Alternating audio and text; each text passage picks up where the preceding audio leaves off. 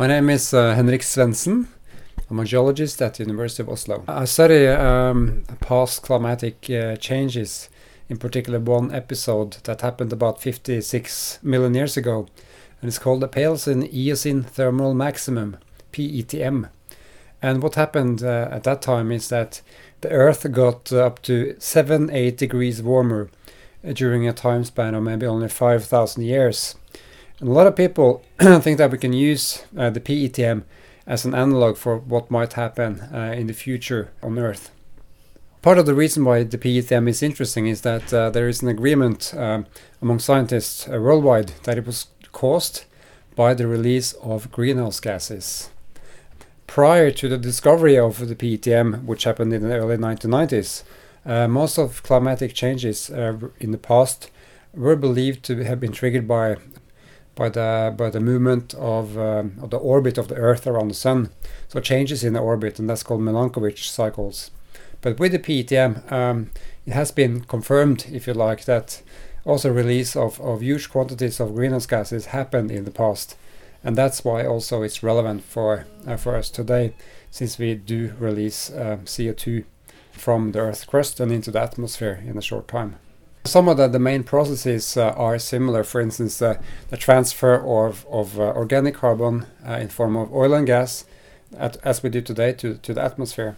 And that also took place 56 million years ago, even though, of course, the, the, the exact mechanisms were natural and didn't have anything, anything to do with, with species on Earth, and of course not humans. But the, the, process is similar. Um, there are, of course, a lot of uh, uh, things that were different as well for instance, uh, going back in time, um, the Earth didn't have glaciers on the poles. Uh, the oceanic currents were different, and also the background climate was different. So the temperature prior to the PETM was higher than it is today. So we can't really compare um, the present with the past, the past with the present directly. But uh, there are lessons that we can that we can use.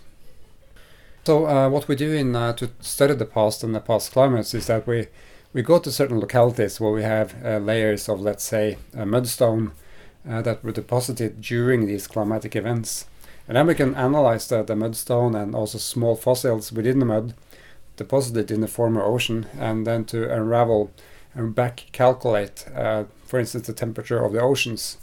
And we can do that uh, globally, and, and the, the international community, uh, we are doing that exact exercise. And then we can uh, gather all information from different localities around the world. And then we can um, make global maps. And then we can compare uh, the result, what we call these proxies, these reconstructions of temperature, for instance, or ocean temperature, with what we get from, uh, from climate models. So we can compare climate models of the past with actual data from the past. Uh, the state of the art uh, when it comes to, to uh, understanding past climates. Mm it also, uh, of course, uses uh, the techniques and, and approaches for uh, for present day climate research. So it's really a, a link between developing new models, then new new climate models, and applying those to past conditions.